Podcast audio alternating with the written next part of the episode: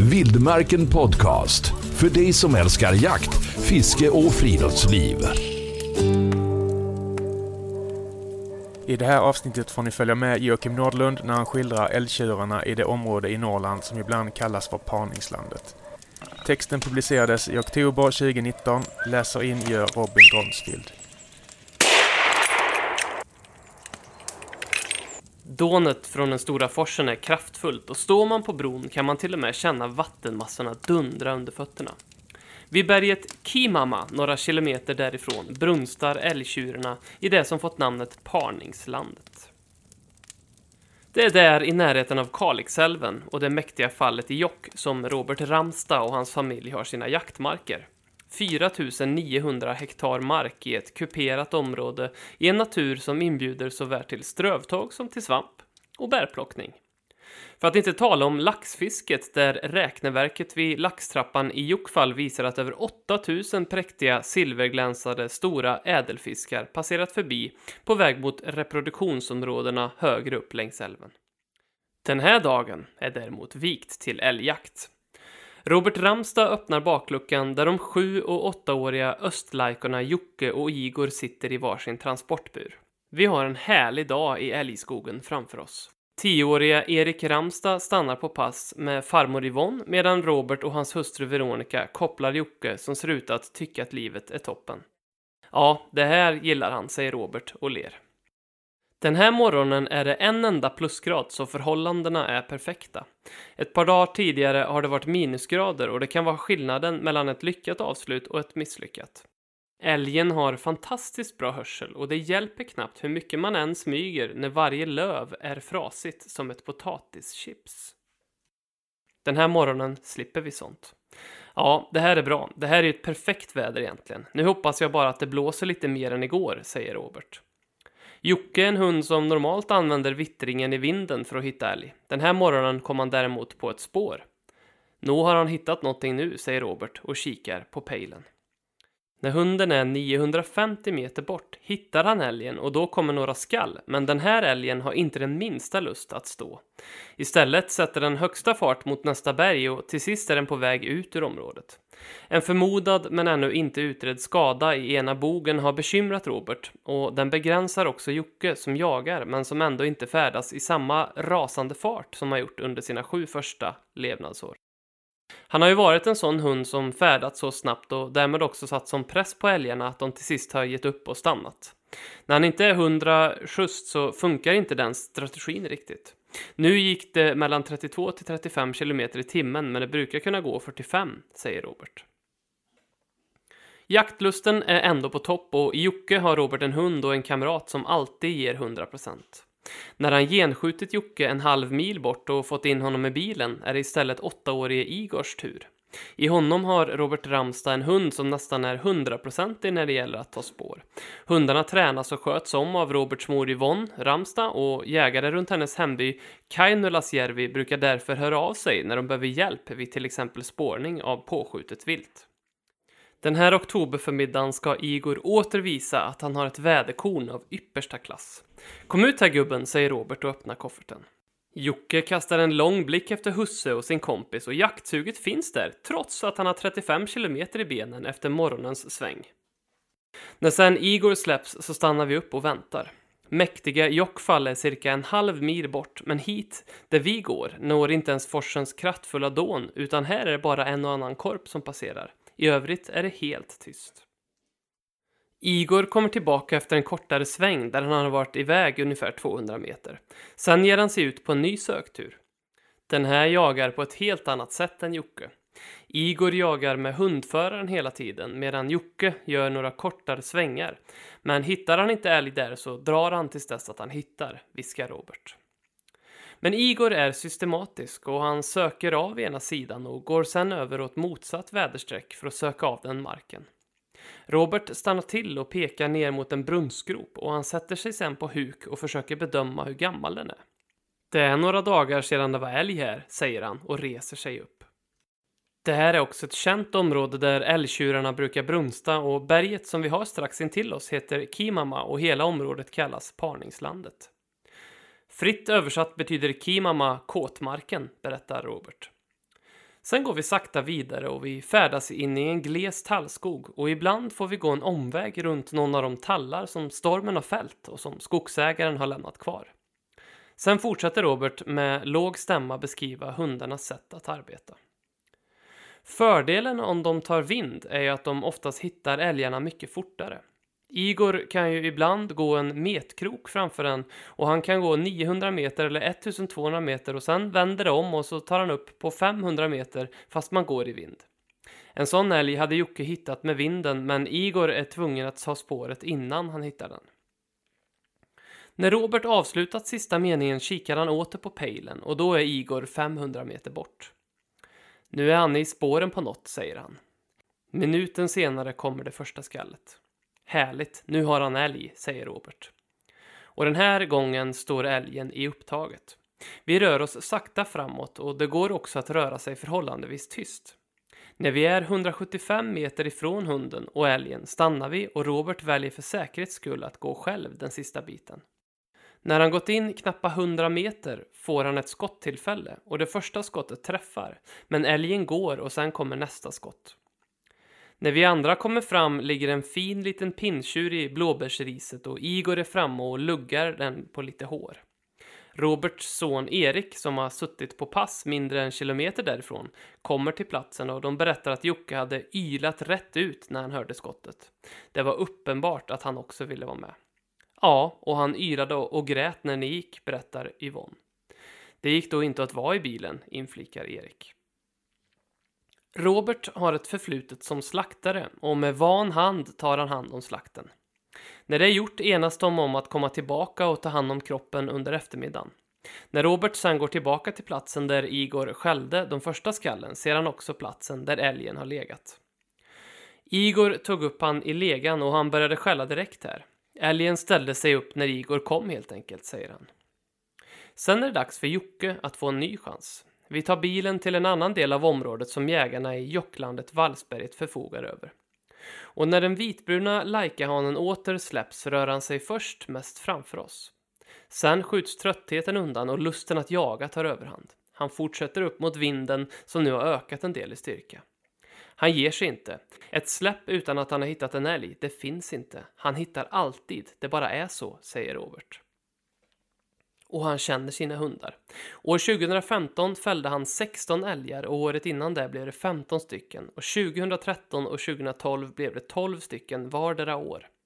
Det har alltså blivit cirka 60 älgar för Robert Ramstad under de senaste fem åren. Och alla utom en har skjutits undan Jocke och Igor. En på lock, men sen är det hund. Då var det Erik, yngsta sonen, som lockade. Annars hade jag inte skjutit.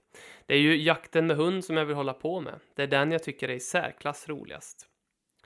Så har det inte alltid sett ut. Han har gått som hundförare i 20 år nu och de första 15 åren brukar det bli mellan 2 och 5 älgar per säsong. Att det har blivit så många nu beror nog mest på att jag har det ganska bra ställt i hundgården, säger han. Det dröjer en halvtimme och sen ger sökandet efter älg resultat. Yvonne, som har skallindikator på sin pejl, skickar ett sms och berättar att hunden skäller cirka en kilometer framför oss. Ja, nu hör jag skallen, säger Robert och lyssnar. Vinden har gjort det svårare att höra, men på pejlen ser man att en hund och en älg befinner sig på samma plats och vi börjar sakta och röra oss närmare. Efter cirka åtta minuter övergår det till gångstånd och då förlängs stegen. Den kommer upp efter bäcken. Har vi flyt så hinner vi kanske genskjuta den, säger Robert. Där vi färdas är det bitvis ganska blött och det tar ner farten och Robert springer nästan i en kilometer. Och till sista handlar det om en kamp mot klockan. När vi hinner ikapp honom står han och pustar ut efter språngmarschen. Hade jag hunnit hundra meter till hade jag skjutit den där. Så typiskt, säger han och torkar svett ur pannan. Samtidigt ökar hund och älg tempot och de går rätt mot det pass där Yvonne och Erik sitter. Och det visar sig vara en stor och praktfull tjur som Jocke kommer med. Och hon är precis på väg att sätta bössan till axeln, men precis när tjuren kliver ut på vägen kommer en bil efter den lilla skogsbilsvägen. Maximal otur alltså. Jag kan ju bara inte skjuta. Den hade säkert 18 om inte 20 taggar. En riktigt fin tjur, berättar hon. När Robert får höra att det varit storoxen som han sprungit ikapp mot blir han än mer harmfull över att han inte själv hann fram i tid. Det där är den största oxen vi har haft i det här området det här året. Vi har inte skjutit någon riktigt stor än i år, säger han uppgivet. Vid Kalixälvens strand stannar hunden, men den mäktiga älgtjuren ser tillfället att komma undan och den simmar sen över älvfåran som är flera hundra meter bred just där. Hade det varit Igor hade han simmat efter, garanterat. Men Jocke far inte ut på sådana simturer och det är lika bra för nu är älgen ändå ute ur vårt område, säger Robert. Istället väntar en del arbete med att få hem pinntjuren som sköts ett par timmar tidigare. Den här dagen hade Robert Ramstads hundar alltså igång tre älgar varav en fälldes. Men det är inte bara älg som rör sig i markerna. Någon månad tidigare fick han vara med om en dramatisk björnjakt som började med att han såg en stor, storvuxen björn när han var på väg ut till den plats där han skulle släppa en av hundarna. Jag funderade först på att släppa någon av mina egna hundar på björnen men så bestämde jag mig för att ringa en kompis som har plotthundar, berättar han. Han var själv in på ståndet när kompisen Andreas Olofsson sköt björnen. Då var vi bara 10 meter ifrån. Det blev riktigt spännande, men Andreas kan det där så det var häftigt att få vara med. Det var något nytt, säger han. Det var en björnhona på 135 kilo och björnen föll bara ett par kilometer från en plats där Robert sköt pinntjuren för Igor. Någon satsning på björn lär det inte bli även om hans familjens två lajkor säkert inte hade gjort bort sig där heller. Sen finns det nästa generation, både hemma vid köksbordet och i hundgården.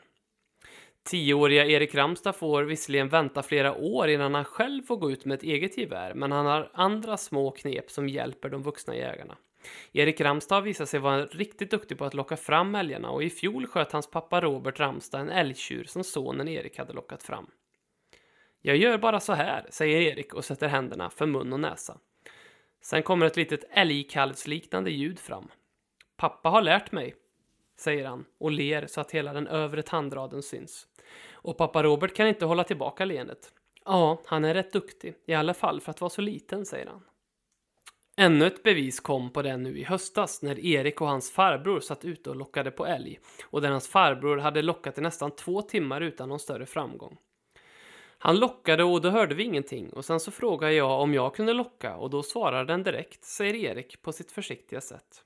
Den kom närmare och närmare men skjutljuset försvann så de var tvungna att avbryta. Men det var fränt för brorsan hade suttit där och brölat i två timmar typ och det första Erik gör så svarar den direkt, inflikar pappa Robert. Från början hade han med sig en egen liten plastbössa som var en trogen följeslagare varje gång han var ute. Han var lite som Emil i Lönneberga där. Det är aldrig något gnäll eller något klagande och på somrarna är han ofta med mig på skjutbanorna. Det älskar han, säger hon. Varje år brukar han få ledigt en vecka från skolan för att följa med pappa och farmor på jakt. Jag brukar berätta lite för de andra i skolan när jag kommer tillbaka. Att sitta på pass är inte så svårt, men man får tänka sig för så att man inte låter, säger han. Att vara så liten och ändå vara så införstådd med så mycket i jakten är helt fascinerande. Och det han inte vet frågar han om, berättar farmor Yvonne.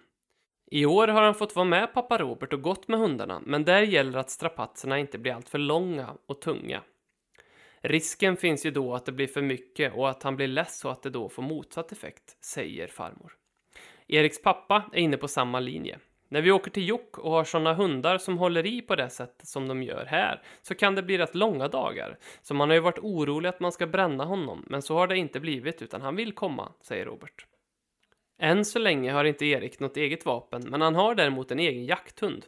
Och den idag sju månader gamla östsibiriska lajkan är döpt till Shira efter Luleå Hockeys back Craig Shira. Jag gillar Luleå Hockey och sen har vi haft andra hundar som har haft sådana namn. Jag tyckte hon hade så fina färger, vitt och svart och Shira är en bra spelare och det namnet tycker jag passar till henne, säger han. Det är inte den enda hunden i familjen som har döpts efter stjärnor i Luleå Hockey. Vi hade en jämthund som hette Bautin efter Sergej Bautin. Sen har vi haft Jarmo som var döpt efter Jarmo Myllys och vi hade också tänkt kalla en för Skuggan, men då blir det en tik. Sen har vi också Igor som är döpt efter Igor Larionov, berättar Robert Ramstad. Och tanken är att Robert Ramstad ska jaga in unghunden Shira, sen ska Erik få gå med den hunden. Hon är fin, det ska bli roligt, säger Erik på sitt försiktiga sätt. Än så länge är det farbröderna Igor och Jocke som får husera i älgskogen, men snart får de konkurrens från det yngre gardet. Vi får väl hoppas att det lyckas. Det är full fart med henne och vi har precis varit ute med henne och hon sprang över en mil. Vi ska se om det kommer lite nysnö och att vi kanske släpper henne på ko och kalv lite längre fram, eller så väntar vi till nästa år. Det är ingen brådska, säger han.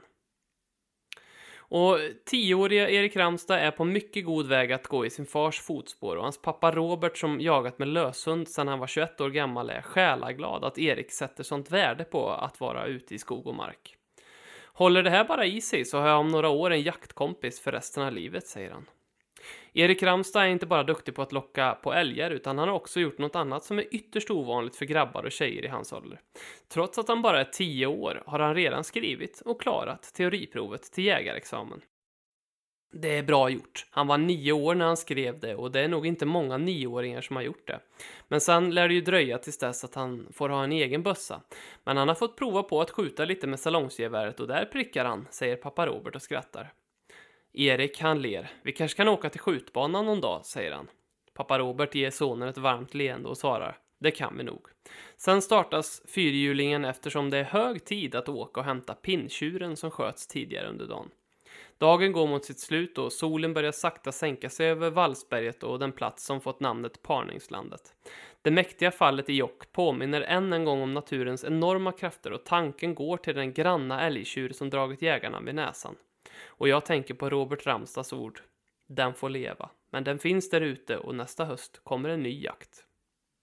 Vildmarken Podcast. Hitta fler avsnitt och ta del av vårt digitala magasin på vildmarken.se.